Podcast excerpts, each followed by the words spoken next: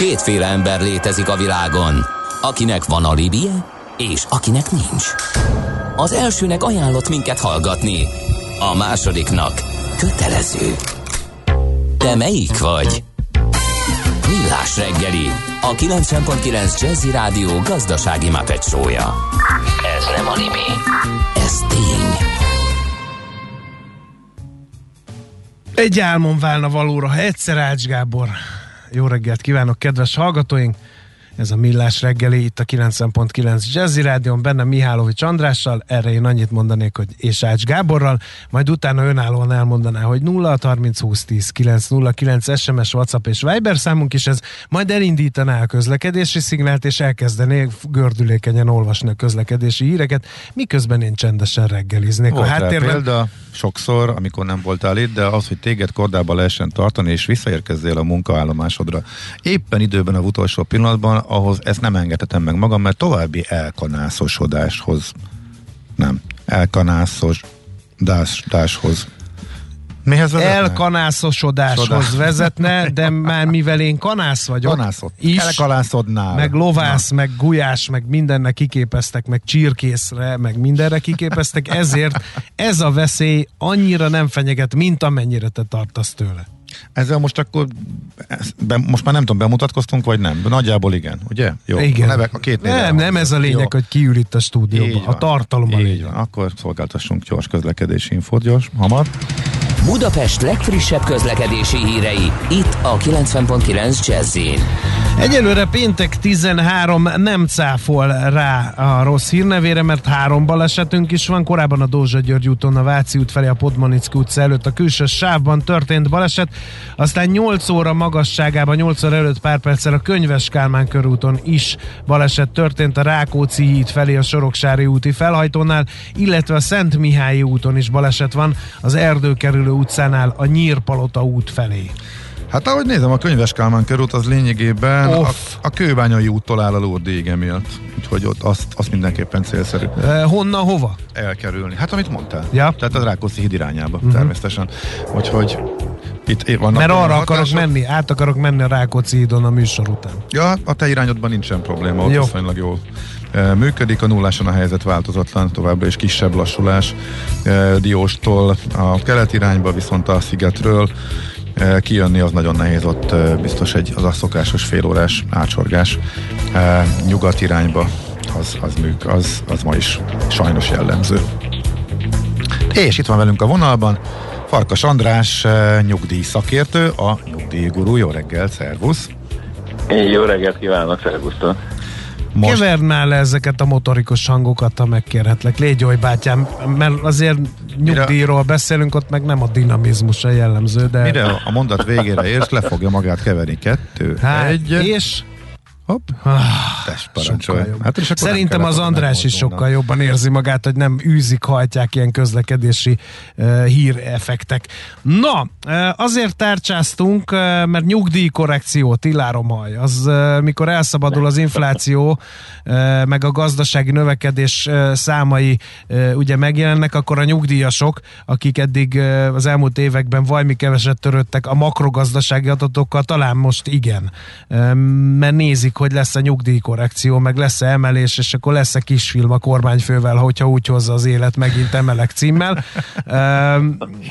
Úgyhogy ezt kéne nekünk most átbeszélni. Hogy van ez a nyugdíjkorrekció? Először egy gyors talpalót tartsunk. A, a nyugdíjkorrekció azt jelenti, hogy a nyugdíjakat az elvileg mindig a tényleges inflációnak megfelelően emelni kell minden évben. Ugye ez a nyugdíjak vásárló értékének a megőrzése című törvényi követelmény.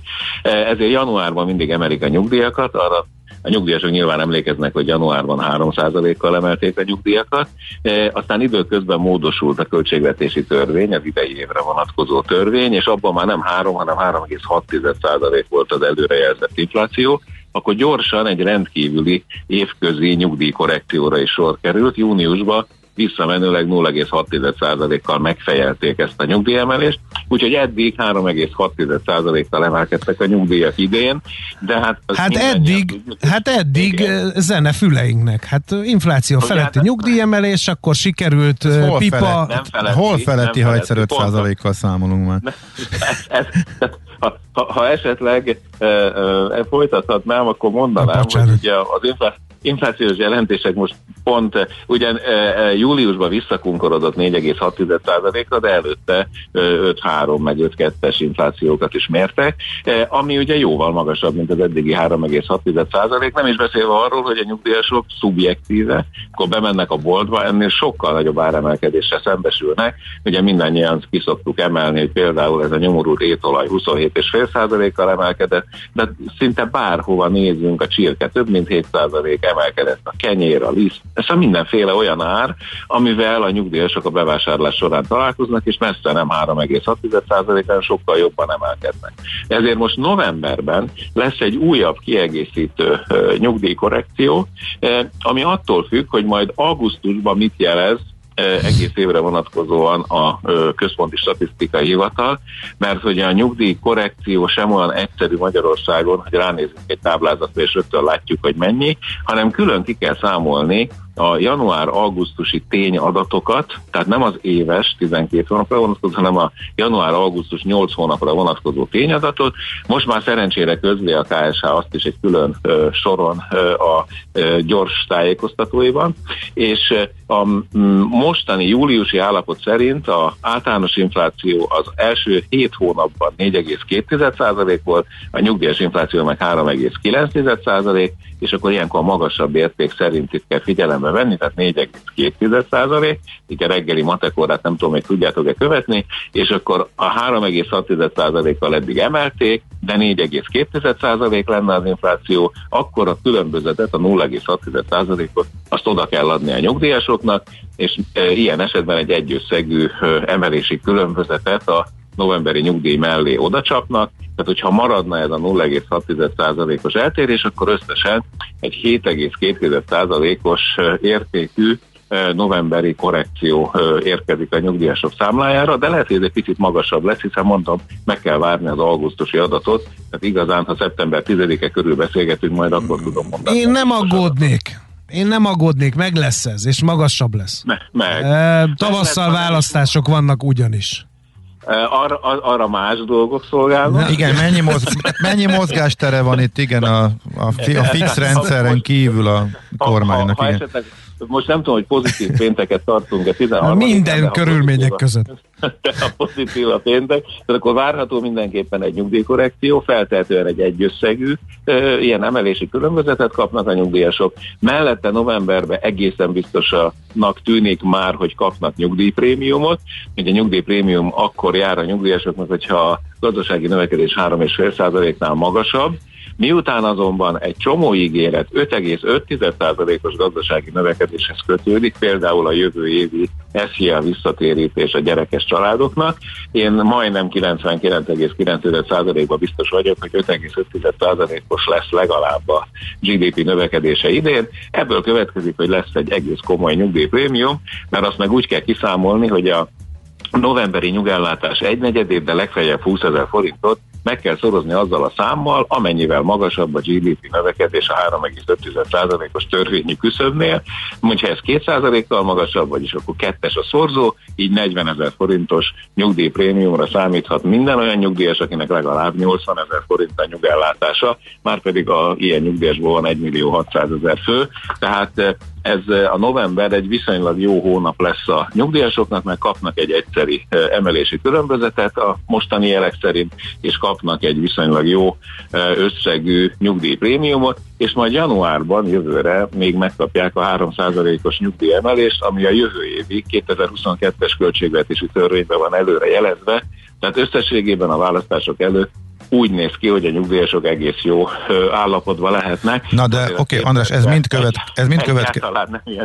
Jó, ez mind következik az aktuális szabályozásból. Tehát ez mind kiszámolható, ez van, törvényben van vésve. Ezen van. kívül van-e még tér, hogy ennél nagyobbat jótékonykodjanak, vagy a nyugdíjasoknak osztogasson a kormány, vagy pedig hát ezt az infláció által vezérelt rendszert fogják majd nyilván jó kommunikálva azt az érzetet kelteni, mintha hogyha ez Jelen pillanatban nekem nincs tudomásom arról, hogy igen? Igen, hogy külön kapnának valamit a nyugdíjasok ezeken felül, de természetesen a nyugdíjtörvény felhatalmazta a kormányzatot, hogy bármikor pozitívan eltérhet, tehát uh-huh. magyarán eh, ahogy volt ilyen a múltban is példa az Erzsébet utalványok, meg eh, a különféle rezsi utalványok eh, eh, a nyugdíjasok számára. Ez bármikor most is bekövetkezhet. Én szerintem annak nagyobb esélye van, hogyha az inflációs folyamatok nem pontosan úgy alakulnak, ahogy pár hónapja még elképzelték a jogalkotók, akkor a jövő évi költségvetési törvényben simán ö, lehet módosítani ezt a 3%-os inflációs előrejelzés, és ha az fölfele módosulna, akkor automatikusan januárban nagyobb összegbe emelnék meg a nyugdíjakat, az nyilván jó jönne a nyugdíjas társadalom tagjainak. Uh-huh. Oké, okay, na most ezek a pozitív dolgok. Igen, most menjünk, úszunk, mégiscsak péntek 13 van, úszunk rá negatívumokra. Mert mégis azt írott, hogy szegényednek Igen. a nyugdíjasok. Hát de így akkor hogy? Úgy szegényednek a nyugdíjasok, hogy amikor megállapítják a nyugdíjat, akkor gyakorlatilag a előző évi nettó keresett növekedés százalékában meghatároznak úgynevezett valorizációs szorzókat, tehát értékkövetési szorzókat, amivel az 1988 óta szerzett járulék alapot képező kereseteket föl kell évente szorozni a mondjuk egy idei nyugdíj megállapításnak 2020-as nettó kereseti szintekhez, azért, hogy mondjuk egy 88-ban összesen keresett 120 ezer forintos kereset, ez nyilvánvalóan nem 120 ezer forintot ér, hanem azt a, föl kell szorozni a, a 2020-as nettó kereseti szinthez, mondjuk ott egy 25-ös szorzó körül van, tehát gyakorlatilag minden egyes évre, amiket a, a nyugdíj megállapítás során összegeznek, nettósítanak, ezt a nettó éves keresetet föl kell szorozni ilyen valorizációs szorzókkal. És itt van a kutya elásva a magyar nyugdíjrendszerbe, hogy a valorizációs szorzók azok mindig a,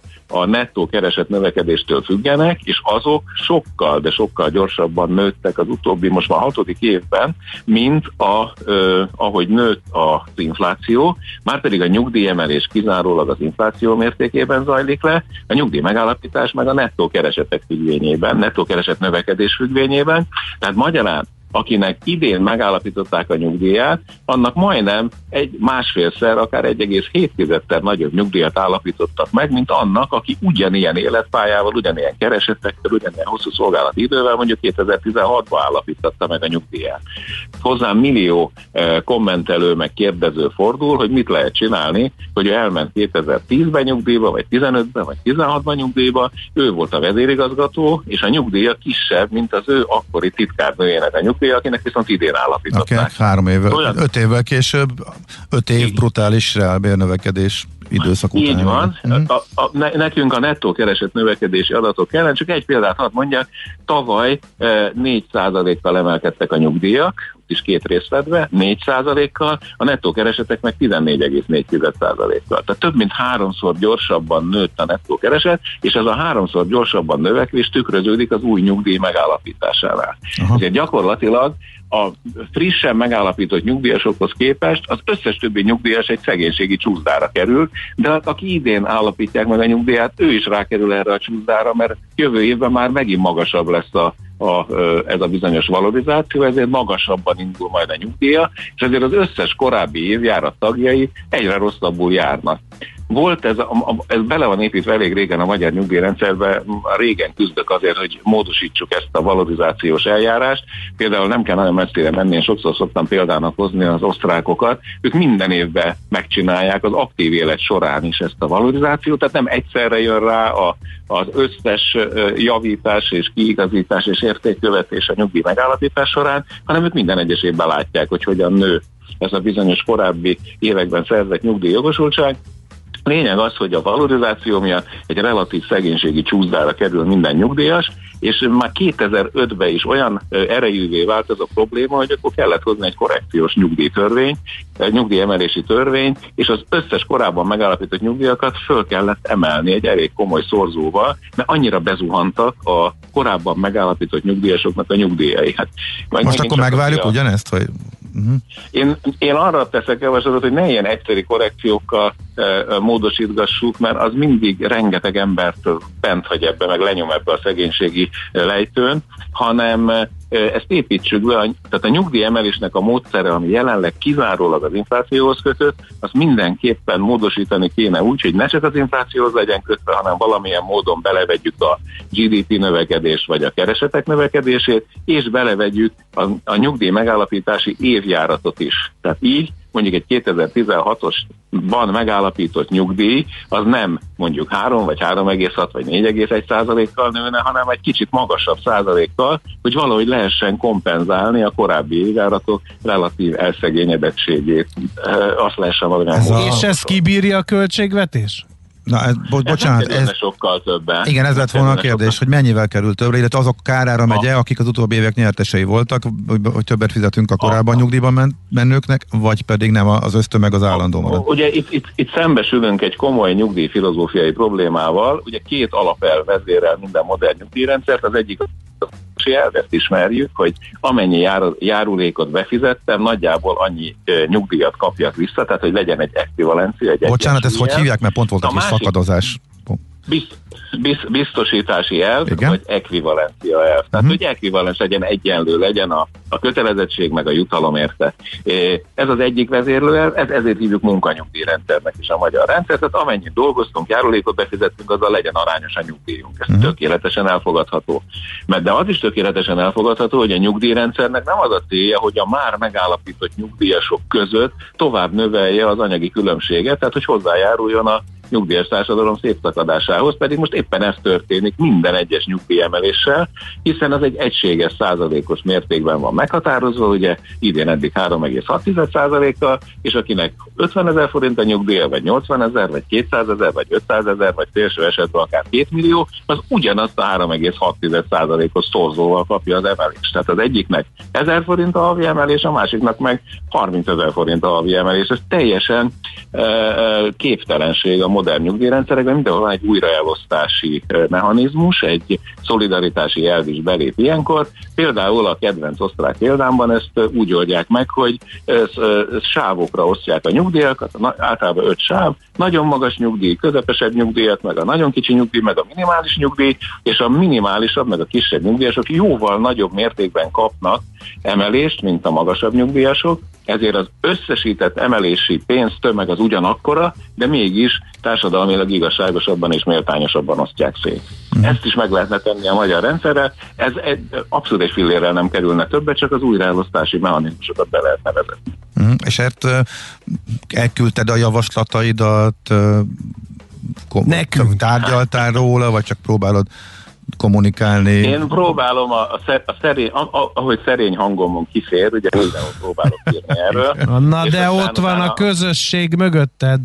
Hát hány hát lájkolót, követőd van? Hát sok, so, sokan vannak, nagyon. Igen, hát, igazság szerint én a, már tudnék egy csodálatos uh, ilyen lobby erőt képviselni. Én próbálom is, mondom ezeket a, a, a adni olyan érveket, okos érveket, amik ellen politikailag fölösleges lenne küzdeni, mert se kockázat nincs benne, se pluszköltség, csak mindenki jobban járhatna a nyugdíjas társadalom tagjain belül, mert ez a relatív szegénységi csúszda, ez minden nyugdíjast érint. A 2 millió 53 ezer öregségi nyugdíjas, ez folyamatosan szegényedhet az aktívakhoz képest, ha marad ez a rendszer, ami most van. És akkor az illetékesek olyan miért nem foglalkoznak? Akkor idejük nincs rá, vagy, vagy jobb dolguk van, vagy hogy vagy, a, nem érdekli a, a őket? Vagy... Hát a, a, a nyugdíjas társadalom az nem idegbeteg társadalom, tehát az nem ugrabugrál, az nem megy, nem, pedig, tud annyira... Pedig választásokon csata döntő fegyver, nem? Igen, de amíg nem szervezik meg magukat, addig ne, tehát amíg a nyugdíjas társadalom ugyanúgy sokfelé osztott és rengeteg nézetet képvisel, addig nagyon nehéz őket egy közös platformra hozni, pedig vannak ilyen példák a, a politika történetben, amikor félretesznek minden egyéb politikai nézetkülönbséget, és az egy közös érdekükre koncentrálnak, hogy az ő helyzetük ne romoljon a társadalomba. Hogy ez egy ilyen társadalmi szintű érdekképviselet, amit a nyugdíjas szervezetek egyelőre nem képesek ellátni, de talán majd nő a tudatosság. Gondoljatok abba bele, hogy a mostani nyugdíjasok azok már egészen más szinten képzett és a politikai vitákban résztvevő emberek, mint mondjuk egy 30 vagy 40 vagy 50 évvel ezelőtt elment nyugdíjasok. Tehát egy, én arra gondolok, hogy a tudatosság szintje nőni fog a jövőben, és ezeket a problémákat, ezeket jobban lehet majd képviselni. Uh-huh. És még egyszer mondom, nem, nem ördöngösség a megoldás, és nem jelentene olyan típusú kockázatot, amiben bárki bárki belebukatna, hanem itt lehetne óriásit javítani. Ne felejtsétek el, hogy az összes modern európai nyugdíjrendszer nagy reformokon ment át a 2005 és a 2010 közötti években, tehát mostanában elég a britet vagy a svédet említeni, mint nagy híres példákat, vagy a németet, vagy akár az osztrákot. Ez mind 2000 után nagy reformokon mentek át, és nem, hogy nem dőltek össze, meg nem lett belőlük társadalmi feszültség, hanem sokkal jobban működő rendszerek váltak. Mm. Hát jó, mit tudunk ide hát a végére. Reméljük, hogy azért elindul Bíz, Bígyesszünk egy klasszikus. Bízunk abban, hogy ha úgy lesz, és akkor, akkor emelek legyen az. Hát, igen, igen, igen, majd, igen. majd egyszer az, az emelés az elég fontos. Az igen. elég fontos, az emelés rendszere az so, lehet sokkal méltányosabb, igazságosabb és több örömet hozó a nyugdíjas társadalom. Figyelj, és egy érdekes hallgatói, bocsáss meg Gábor, de ez Van. engem is elgondolkoztatott, és egyébként beszélhetnénk erről, mert egyszer majd, mert ez a téma is ízik, ízik rendesen, több megnyilvánulást és cikket olvastam erről van olyan hölgy, aki 40 éves nyugdíjba vonulását büntetésként él, élné meg, mert ami járna nyugdíjként, annak a 80%-át kapja. Nekem két évig nem is emelkedett semmit a nyugdíjam, ez ám a megbecsülés, írja a hallgató. Ez, ez biztos, hogy félreértés. Ugye a a nők kedvezményes nyugdíjával, ami egy abszolút hungarikum egyébként, mert el lehet menni a korhatár betöltése előtt a nők 40-be, úgy, hogy nem terheli levonás a nyugdíjat. Tehát ez pont egy, egy a világon olyan, egyetlen olyan nyugdíj, ami korhatár előtt levonások nélkül igénybe vehető. De az is egy másik félértés, hogy az a 80 százalék, az egy, a, amiatt jön be ez a félreértés, mert 40 évi jogosító idő a feltétele a nők 40-nek, ugye ez is a nevében a nők Igen. 40, Aha. 40 évi jogosító idő, és a 40 évhez, de nem a jogosító 40 évhez, hanem a szolgálati idő 40 évéhez kötődik egy 80%-os úgynevezett nyugdíjszorszó a törvényben, és sok hölgy ezt félreértelmezi. Az ő nyugdíjuk ugyanúgy teljes értékű nyugdíj, ugyanúgy kell megállapítani, mint a, az öregségi nyugdíjat, mint a korbetöltött öregségi nyugdíjat, tehát nem a 80%-kal állapítják meg, hanem attól függően, hogy hány év szolgálati idejük volt, de abban meg teljesen igaza van a kedves beíró hölgynek, hogy ha korábban ment el nyugdíjba, akkor a nő kedvezményes nyugdíjára ugyanaz a szegénységi csúszta vonatkozik, mint a korbetöltött öregségi nyugdíjra, tehát ha valaki elment 2010-be, onnan, vagy 2011-ben lehetett először elmenni a nők kedvezményes nyugdíjába, az bizony gyűjtögette ezeket az évenkénti lemaradásokat, és most nagyon csúnyán néz azokra, akiknek meg idén állapítják meg hasonló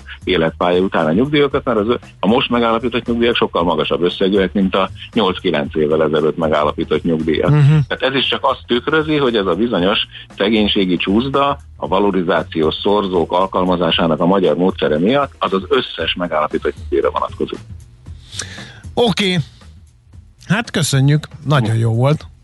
Akkor a valorizációt rátetovált. Igen, a valorizáció szót rátetováltatjuk az alkarunkra az áccsal, hogy ne felejtsünk el időnként rákérdezni erre, jó? Rendben van, hívjatok vissza, hogy hogy vannak a valorizáció Köszönjük! Szia! Szervusztok! Sziasztok! A nyugdíjguruval, Farkas Andrással beszélgettünk az elmúlt percekben. Érdekes volt, ugye, hogy ez egy tipikus olyan terület, ami kommunikáció szempontjából megfogható így is, hogy infláció követő, és ezt egyszerű kommunikálni, mint az, hogy bár infláció követőek a magyar nyugdíjak, miért érzik mégis úgy a nyugdíjasok, hogy egyre szegényednek. Fontos tudni azért a hátterét, hogy Igen. pontosan miért van így. Erre tettünk is jelet. Ami pedig ugye a kormányzat intézkedéseket illeti, azért nagy részüknél úgy eléggé, tehát lehet tudni, mert elmondják, ha meg nem mondják el, vagy, vagy mondjuk ilyen mismásoló magyarázat van, mögötte lehet sejteni, hogy mi miért történik. Itt ez azért furcsa és azért értedetlen, mert hogy igazából nem tartanak sokból ezt igazságosabbá tenni, és igazából több pénzbe sem kerülne még sincs ráfogadó készség, ez, ebben ez az érdekes. Uh, engedtes meg egy személyes megjegyzést. Ja, Istenem. Nem tőlem, Biztos. hát én már rég felhagytam a személyeskedéssel. Igen. Uh, idézem szó szerint mindenféle kommentár nélkül, azt gondolom, hogy helye van az objektív újságírásnak, és időnként műsorunkban. Most ez következik. Ács kolléga határozottan fes és net megjelenésévé vált a borotválkozástól. Mondom ezt a Millás TV nézőjeként. Ja, ja, nagyon szépen köszönöm. Mosolyog szépen a kamerába, legyél megnyerő. Ez az. Jó, jó lesz ez. Műsorunkban termék megjelenítést hallhattak. A kultúra, befektetés önmagunkba. A hozam előrevívő gondolatok. Könyv, film, színház, kiállítás, műtár, zene. Kultmogul. A millás reggeli műfajokon és zsánereken átívelő kulturális hozamgeneráló rovata minden kedden 9 óra 30 után. Ha a bankszámlád mellett a lelked és szürke állományod is építeni szeretnéd. Fektes be magadba, kulturálódj! A rovat támogatója a Budapesti Metropolitán Egyetem, az Alkotó Egyetem. Reklám Segítsetek, légy szíves! A házunkba példát kell írni a társadalmi felelősség vállalásról. Na figyelj, látod, most rendelek egy City Taxit applikáción keresztül, és a City Taxi a rendeléseink után négy hónapon keresztül támogatja a Betesda Kórház Alapítványt. Rendeljen City Taxit új megrendelőként a megújult applikációnkkal, és az utazásai során a City Taxi 100 forinttal támogatja a Betesda Gyermekkórház munkáját. Hú, de jó, megértettem. Most már mindig City Taxival utazunk. A 90.9 Jazzy Rádió Budapest vezető prémium rádiója, amit a fővárosban és az agglomerációban élvezhetünk. Eddig! Elindult a Jazzy applikációja az okostelefonokra. Mostantól bárhová is mész, nem kell nélkülöznöd sem a millás reggelit, sem a happy hours-t, bárhol belehallgathatsz a Jazzy lexikonba, vagy bulizhatsz a funky feeling és a soul session zenéire. A Jazzy applikáció letölthető a Google Play áruházból és az App Store-ból. Így a szabadságod alatt is bárhol hallgathatod kedvenc műsoraidat és a stílusos zenéket. 90.9 Jazzy Rádió. Mostantól bárhol és bármikor. Reklámot hallottak. Rövid hírek a 90.9 Jazzin. Már szedik a Csaba gyöngyét Ordacsehiben. A szeszélyes időjárás miatt idén egy héttel később tudták elkezdeni a szüretet. Európában ez a legkorábban érő szőlőfajta, ebből készül az első új bor a kontinensen. Meredeken emelkedik a fertőzöttek száma a környező országok többségében. Szerbiában augusztus eleje óta megháromszorozódott a napi esetszám. Romániában, Horvátországban és Szlovéniában is egyre több esetet regisztrálnak. Ukrajnában naponta több mint ezer fertőzöttet szűrnek ki. Több mint 150 ezer magyar kért tartós letelepedési engedélyt Nagy-Britanniában, olvasható az Indexen. A brit belügyminisztérium összesítése szerint a letelepedett státuszt 5,5 millió uniós állampolgár kérte. A lista élén a lengyelek és a románok állnak több mint 1 millió kérelemmel. Itthon tovább melegszik az idő, sok napsütésre számíthatunk. Délután legfeljebb a nyugati határvidéken fordulhat elő egy-egy zápor zivatar. Napközben 29 és 35 fok között alakul a hőmérséklet. Köszönöm a figyelmet, a hírszerkesztő Tari Ibolyát hallották.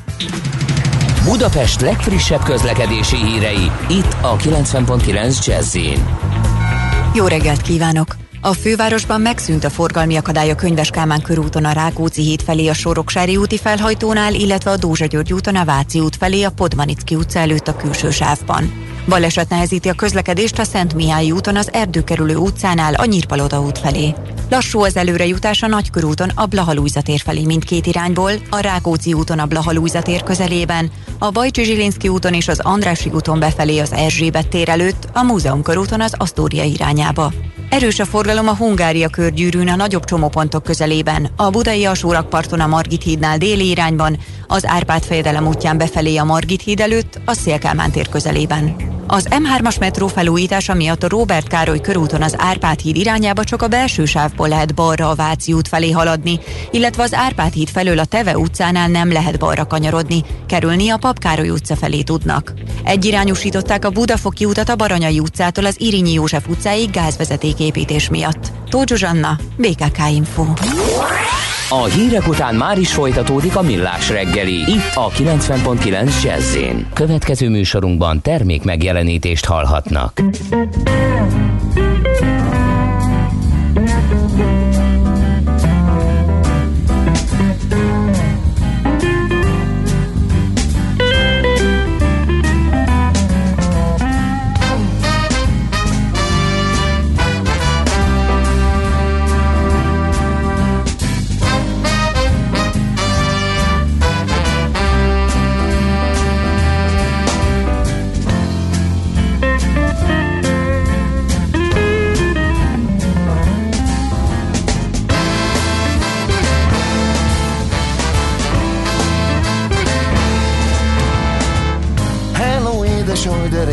Itt a krémes S a kávé se jó.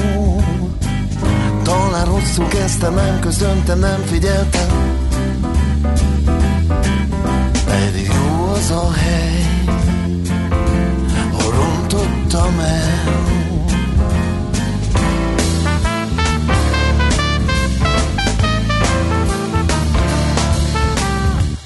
Angélának hívták ott a neve kis táblán Ma épp a melle alatt Kedves hangja van és úgy mosolyog, mint a kéma Éppen szabad Egyre jobb ez a hely. De valamit, valamit mondani kell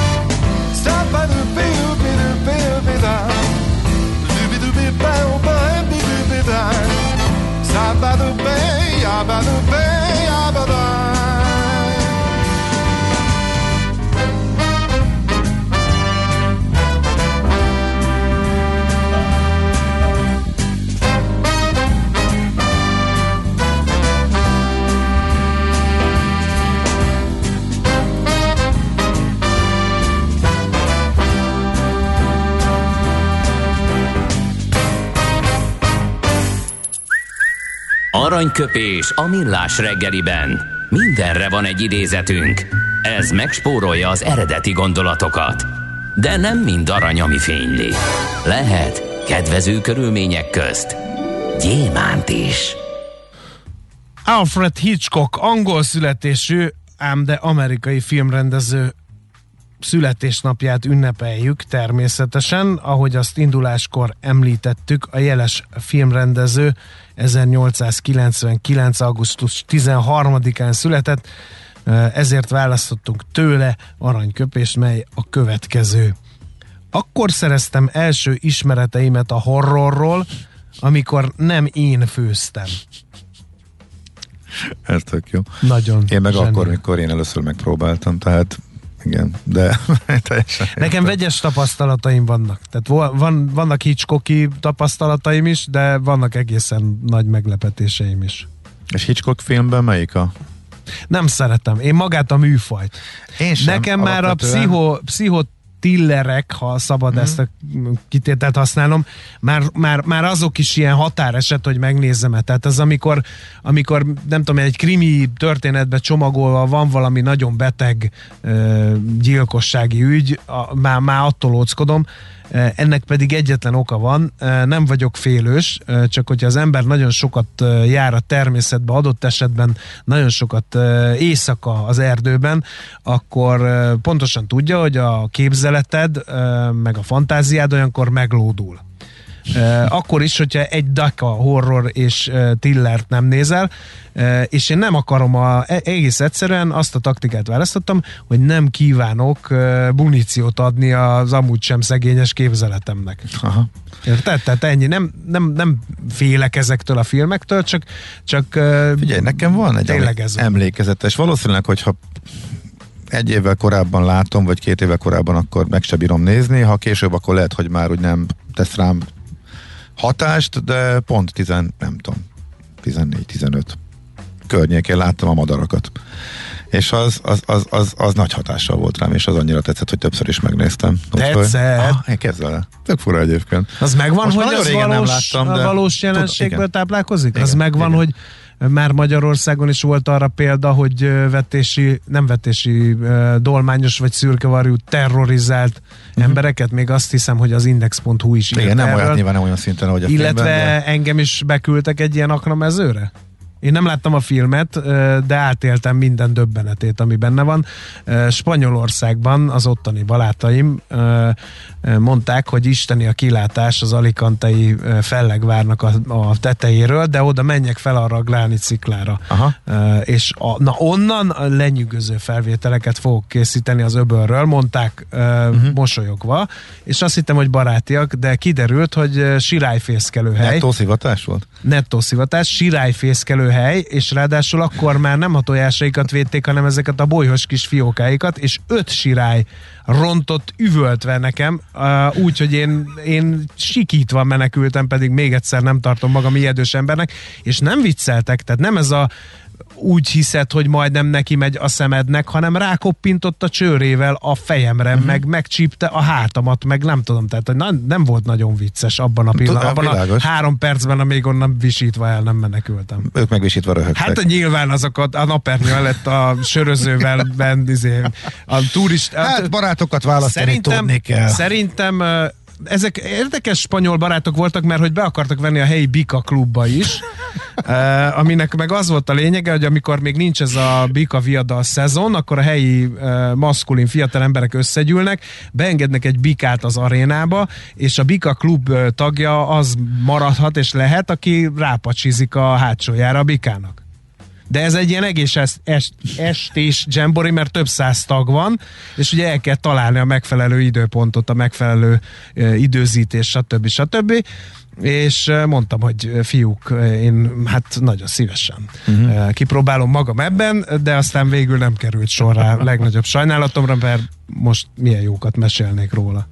Izlandon a sarki csér képes megskalpolni, a, és azt közelről tapasztaltuk. Szerencsére közel volt az autó, pedig csak épp hogy kiszálltunk, és egy nem is kellett, mert egy világító torony környékén egy rövid sétát terveztünk, de hát mi menekülőre fogtuk ott a, a madaraknak a fenyegető támadása. Tehát rendkívül picikék, de rendkívül gyorsan repülnek és agresszívak, és ott, ott védik magukat, vagy a fészkeiket.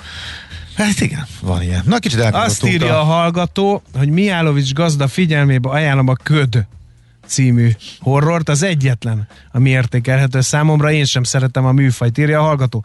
E, már a címe is taszít, ugyanis én északi középhegységben, meg magyar középhegységben elég gyakorta vagyok ködben is kint, akár éjszaka is, meg hajnalban is, meg minden, én nem fogok ilyen című uh, horrorfilmeket nézni, az ne, ziher. A, nem, a címnek sose szabad elriasztania, tehát az, az nem nem a, ri, nem a cím riaszt a műfaj. És még ja. egy emblematikus hozzászólás a hallgatóktól, amióta felnőtt vagyok, kb. 30 éves korom óta, illetve családom van, képtelen vagyok tiller nézni, elég akció van az életemben. Mélyen egyetértő. Érthető, igen. Aranyköpés hangzott el a millás reggeliben. Ne feledd, tanulni ezüst, megjegyezni arany.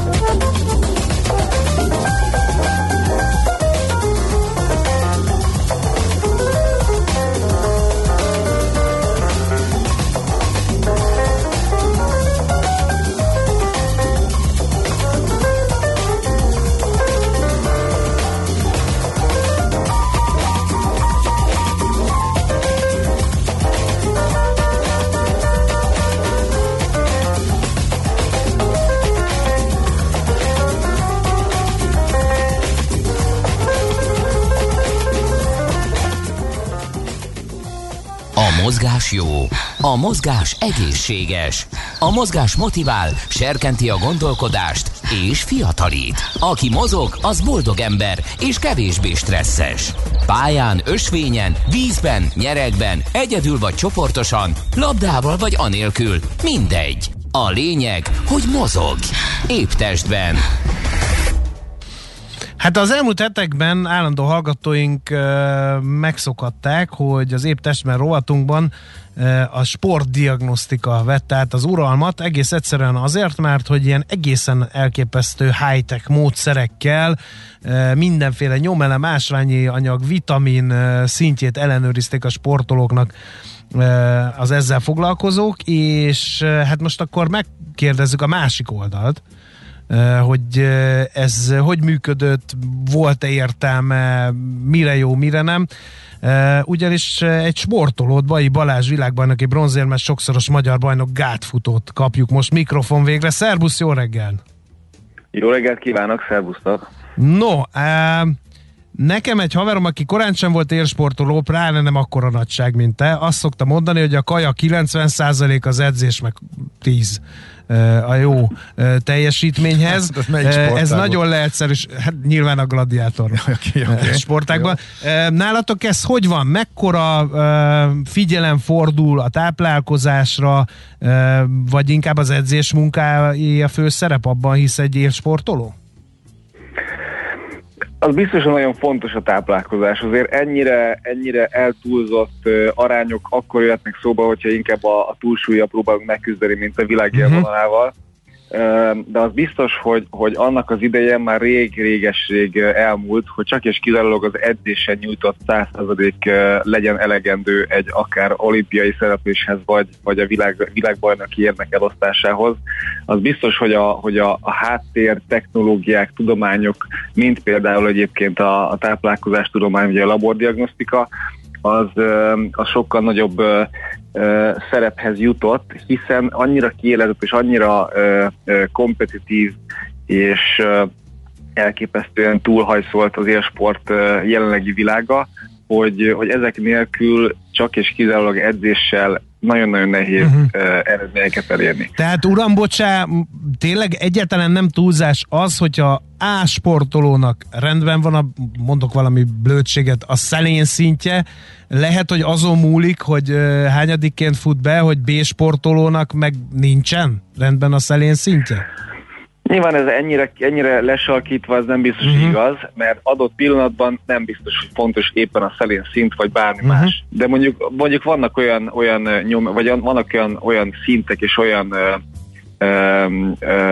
beltartalmi értékek, ami adott esetben abban a pillanatban, a verseny pillanatában is fontos lehet. Tehát uh-huh. például hogyha, hogyha a glikogén háztartásunk nincs teljesen feltöltve, és nem vagyunk felkészítve az aznapi verseny ö, teljesítményre, akkor elképzelhető, hogy fáradékonyak leszünk, kicsit nem érezzük erő, uh-huh. erőnkben magunkat, és ez adott esetben nagyon-nagyon kihathat a versenyeredményünkre. Uh-huh. De egyébként a felkészülés során, tehát az, hogy 365 napon keresztül ö, nekünk rendben legyen a, a, a, a, a testünk, a fiziológiai háztartásunk, az viszont a teljesítményben nagyon-nagyon nagyon fontos, és hosszú távon uh-huh. sok-sok százalékban, akár 10 százalékban is megkülönböztetheti a felkészülésnek uh-huh. az intenzitását, tartalmát, és ezáltal uh-huh. a ebben, ebben uh-huh. kialakított versenyformát. Te sportolóként hogy találtál rá ezekre a módszerekre?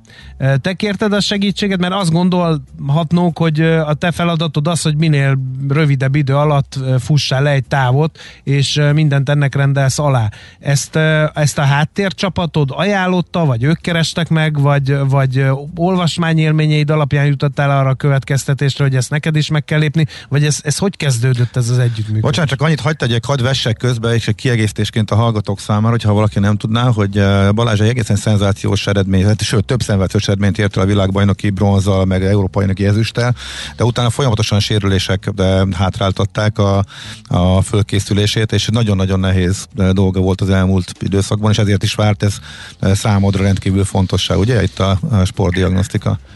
Igen, igen, sajnos ez így van. Um, illetve hát egy, egy súlyosabb sérülésem volt uh, 2019. februárjában, és utána nagyon nehéz volt ebből visszakapaszkodnom a, a nemzetközi élmezőnybe, és egyáltalán képbe kerülni az olimpiával, ami sajnos nem sikerült, éppen, hogy karnyújtásnyira maradtam le, de alapvetően az a munka, ami, ami gyakorlatilag kisebb túlzással sírból hozott vissza, az, az egy nagyon, nagyon komoly és, uh, és sok segítséget igénylő munka volt. Um, és igen, tehát uh, természetesen minden sport, nem, nem, nem úgy kezdi minden sportoló a, a pályafutásának az elejét, hogy minden egyes segítség ott van mellette, bár csak így lenne egyébként, de alapvetően ez általában nem így van. Uh, nyilván egy hosszú út volt az, hogy, uh, hogy egyrészt uh, Magyarországon is meghonosuljon, meghonosuljon és kialakuljon ez a fajta uh, segítség, ami a sportolókat tudja a jobb-nagyobb eredményekhez juttatni, mint például a Finlabnak ez a sportdiagnosztikai és táplálkozás, táplálkozás tanácsadási szolgáltatása, tehát ez régebben nem volt ennyire elérhető, és én is nyilvánvalóan, ahogy, ahogy egyre inkább közeledtem a világ élmezőnyéhez, úgy, úgy jöttek, és úgy kerestem ezeket a lehetőségeket és segítségeket, segítségeket, hiszen láttam azt, hogy erre szükség van. Egy konzultáció az hogyan néz ki? mit kell ott csinálni, és, és megmondják, hogy több sóskát tegyél, vagy, vagy hogy megy ez a folyamat? Egy kicsit avas be bennünket. Igen, ez nyilván nem e, egyik napról másikra történik, hanem ez egy folyamat része. Ugye alapvetően nyilván fontos része egy konzultációnak és egy ilyen közös munkának a kezdetében e, az egymásnak a megismerése, illetve pontosabban a sportoló megismerése. Ez nyilván történik műszeres módon, mint egy, egy testösszetételmérés, egy alapos e, e, labordiagnosztikai kivizsgálás, amiben vér és vizelet vizsgálatok, vagy egyéb más vizsgálat, kiegészítő vizsgálatok során kiderül azt, hogy a sportolónak az adott állapota, az adott um, um, szintek és paraméterek hogy állnak nála, és hogy térnek el a normálistól. Persze figyelembe véve azt, hogy egy, egy, egy ilyen uh, intenzív edzésmunkát és fizikai teljesítményt nyújtó sportolnál mi, mi számít a, a normálisnak, hiszen sok esetben az a normális, hogyha nem normális, mert teljesen normális körülbelül, teljesen érthető okoknál fogva eltérnek uh-huh. bizonyos uh, paraméterek, tehát nyilván ezzel is tisztában vannak, és emellett pedig egy hosszas beszélgetés és uh, uh, táplálkozási napló, szokások, napirend, edzésterv, időszakokéti beosztás, versenynaptár, ez mind információk alapján kialakul egy, egy, egy, egy kép a a táplálkozási tanács és a dietetikusoknál, hogy a sportolónak ö, milyen a napi rendje, milyen, mik a céljai, miben szeretne fejlődni, ö, miben szeretne változtatni, ö, és egy, egyrészt mi az, amit, amit ő, ő ami, ami neki tud segíteni az adott étrenden keresztül. Úgyhogy nyilván mindezek információk ismeretében kialakul először egy, egy próba étrend, amit megkap a sportoló, amit elkezd alkalmazni. Ezt nyilván az ő jelzése alapján tudják finomra hangolni, hogy, hogy, hogy mikor ideális és mikor jó neki a, táplálkozás. Nyilván az edzés munkája alapján, az edzés értékei és eredmény alapján tudja mondani, hogy most egy kicsit telítettnek érzette magát, most kicsit kevésbé, most kicsit ér, éhes volt, stb. stb. És akkor így szépen lehet finomra hangolni az étrendet, uh-huh. ami egy, egy pár hetes vagy hónapos közös uh-huh. munka után közel tökéletesen lehet formálni, és utána ezt nyilvánvalóan a, az újra mérés, újra ö, újabb konzultációk során lehet értékelni azt, hogy, hogy ez az étrend ez, ez segített és változtatott uh-huh. jó irányba a különböző kilógó, vagy hiányzó, vagy alacsony, vagy túl magas paramétereken, és, és szépen kezd kiegyenesedni, tökéletesedni a vérkép, a, a testösszetétel, vagy még további változtatásokat igényel. Tehát ez gyakorlatilag nem egy, egy, egy órás beszélgetésnek az eredménye, ami, ami megtörténik bárhol, hanem egy, egy hosszadalmas, hát idézőjelben hosszadalmas, több hetes vagy hónapos közös munka, és folyamatos utómérés, konzultáció, uh-huh. kommunikáció. Igen, tehát ez egy közös munka sem, mint egy ilyen pillanatnyi tanácsadás. Neked, tudod, újságírók szoktak ilyen hülyeségeket kérdezni, hogy volt valamilyen konkrét változtatási javaslat? Én jöttem itt a show Jóskával, de ez persze csak vicc volt, hát te valami konkrétabbat tudsz mondani, illetve volt-e az együttműködésetek során valami olyan meglepő dolog, ami, amire azt mondtad, hogy hű, hát ha ez nincs ez a sportdiagnosztika, akkor erre nem is gondoltál volna? Nyilván itt ilyen, ilyen, ilyen nagy csodákra sajnos nem lehet számítani. Persze alapvetően az, hogyha egy sportoló, és én is egyébként úgy éreztem sokáig, hogy, hogy erőmteljében vagyok, nem vagyok fáradékony, bírom az edzésmunkát, és nem sérülök meg, azt az, az, az vehetjük normálisnak is, de alapvetően nyilván egy 30 éves sportolónál már majdnem, hogy csoda. Tehát, hogy uh-huh, igazából igen hogyha, hogyha minden rendben van, és nem kell semmivel se aggódni, akkor azt, azt szeretjük egyébként normálisnak gondolni, de alapvetően nem azt. Tehát, tehát gyakorlatilag, hogyha, hogyha nincs probléma, és nincs, nincs semmi kihangsúlyozandó dolog, az a jó, hiszen akkor működik minden, minden a helyén van, és, és tudok azzal foglalkozni, ami a feladatom, hogy edzek, és nem pedig azzal, hogy hogy kell különböző sérüléseket rögtön el, elmulasztani. Uh-huh. Uh-huh. alapvetően ez jó. Hát különböző apró példák, hát nyilván én, én, én már több több éve foglalkozom sportdietetikával, tehát nyilván nem azt mondom, hogy nem tudtok nekem újat mondani, de olyan, olyan, olyan nagyon egetrengető változtatásokat azért nem hallottam, de nyilvánvalóan ez a fajta együttműködés volt eddig magasan a legszínvonalasabb és legelfogadhatóbb. De például ilyen, ilyen hogy, hogy versi időszakok előtt az, hogy hány gram zöld petrezselyem, friss zöld petrezselymet rakjak rá a, a, az ételemre, az például fontos volt, és erre oda kellett figyelni. Ilyet az elsők előtt folyamatosan kéklát kellett fogyasszak, vagy, vagy nyersen, vagy, vagy folyadék formájában, és azzal készítettek föl a versenyekre a legjobb formámban. Uh-huh. Ami nyilván az tud, tud néha kellemetlen lenni, mert a cég azért nem a legfinomabb dolog. A, a, valaki nyilván nagyon szereti, Aha. valaki kevésbé, meg vannak egyéb más mellékhatásai a cég a fogyasztásnak, de hát a teljesíti fokozásnak ez volt az ár. Uh-huh. Valás, te a tudományos hátterét is jobban orvos vagy, ugye civilben, ha jól emlékszem. Így van. És uh, praktizálsz is, uh, de hadd kérdezem meg, hogy akkor most a sportban milyen terveid vannak. Uh, Párizs még belőtted, uh, nyomod addig, uh, rövid távon, hova szeretnél most éppen, hogyan edzel, miket tervezel?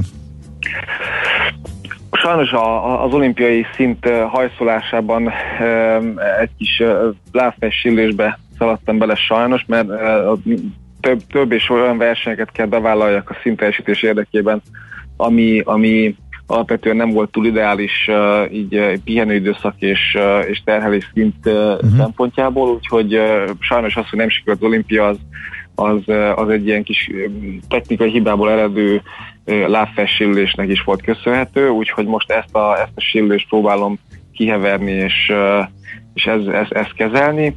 Úgyhogy valószínűleg ez a szezon ez már, ez már versenyek nélkül fog zajlani a számomra, Uh, és hát utána nyilván uh, uh, át kell gondolnom a jövőmet, hogy akkor még a pályán maradok, vagy, vagy azon kívül segítsem mondjuk a budapesti atlétikai világbajnokság sorsát, hiszen a magyar atlétikának a legfontosabb következő lépés az a 2023-as budapesti világbajnokság, úgyhogy nyilván az, az, az foglalkoztat és, és motivál most minden magyar atlétát és sportolót, aki, aki él és mozog. Uh-huh. Oké. Okay. Nagyon szépen köszönjük, hogy itt voltál, bármi legyen a döntés. Igen, hát mi azért, mi azért, mi azért azt szeretnénk, mi, ha, hogyha te tudod, érted? Na, nem, de természetesen neked hírne kell ezt eldönteni. Eh, hát addig meg, eh, meg jó gondolkozást, meg, meg akkor a sérülésből mielőbbi talpraállást kívánunk. Nagyon szépen köszönöm. köszönöm. Köszönjük, hogy itt voltál. Szép napot kívánok. Köszönöm. Szép napot kívánok én is. Minden jót, sziasztok. Bai Balázs világbajnoki bronzérmes, sokszoros magyar bajnok gátfutóval beszélgettünk. Épp testben. A millás reggeli mozgáskultúra rovata hangzott el. Ne feledd, aki mozog, az boldog ember. No, uh, hú, jó társaságban repül az idő, úgyhogy most uh, nincsenek más uh, teendőink, mint uh, teret adni Tari Ibolya remek híreinek, aztán utána jön a szekta, a piszkosul jóképű Ács Gábor rajongói köre, aki majd fapados híreket vizslatva fog bennünket az hallgatni. csak egy illetve volt, szerintem a Smiley is ott volt a végén, ellenben Zsocki bejött és kicsit morcosan átállította a kamerát, mert hogy fölvettem a havas pozíciót ismételten itt a fotelban, és máshova került a fejem, mint ahol optimális esetben kellett volna, úgyhogy ebből is igyekszem majd magamhoz térni, és hasznos információkkal szolgálni. Ami egyébként azért érdekes, mert így most a nagy része a rovatnak az most az adás alatt szerkesztődött. Bravo. Amit, Aktuális minden. Ne, amit te mondtál, hadatói hát felvetés, írt, meg, a, meg, amit, meg amivel csak így te elkezdtél piszkálni, arra mindenképp kell, hogy reagáljak, úgyhogy ezekből is táplálkozik majd a rovat a hírek után. Műsorunkban termék megjelenítést hallhattak.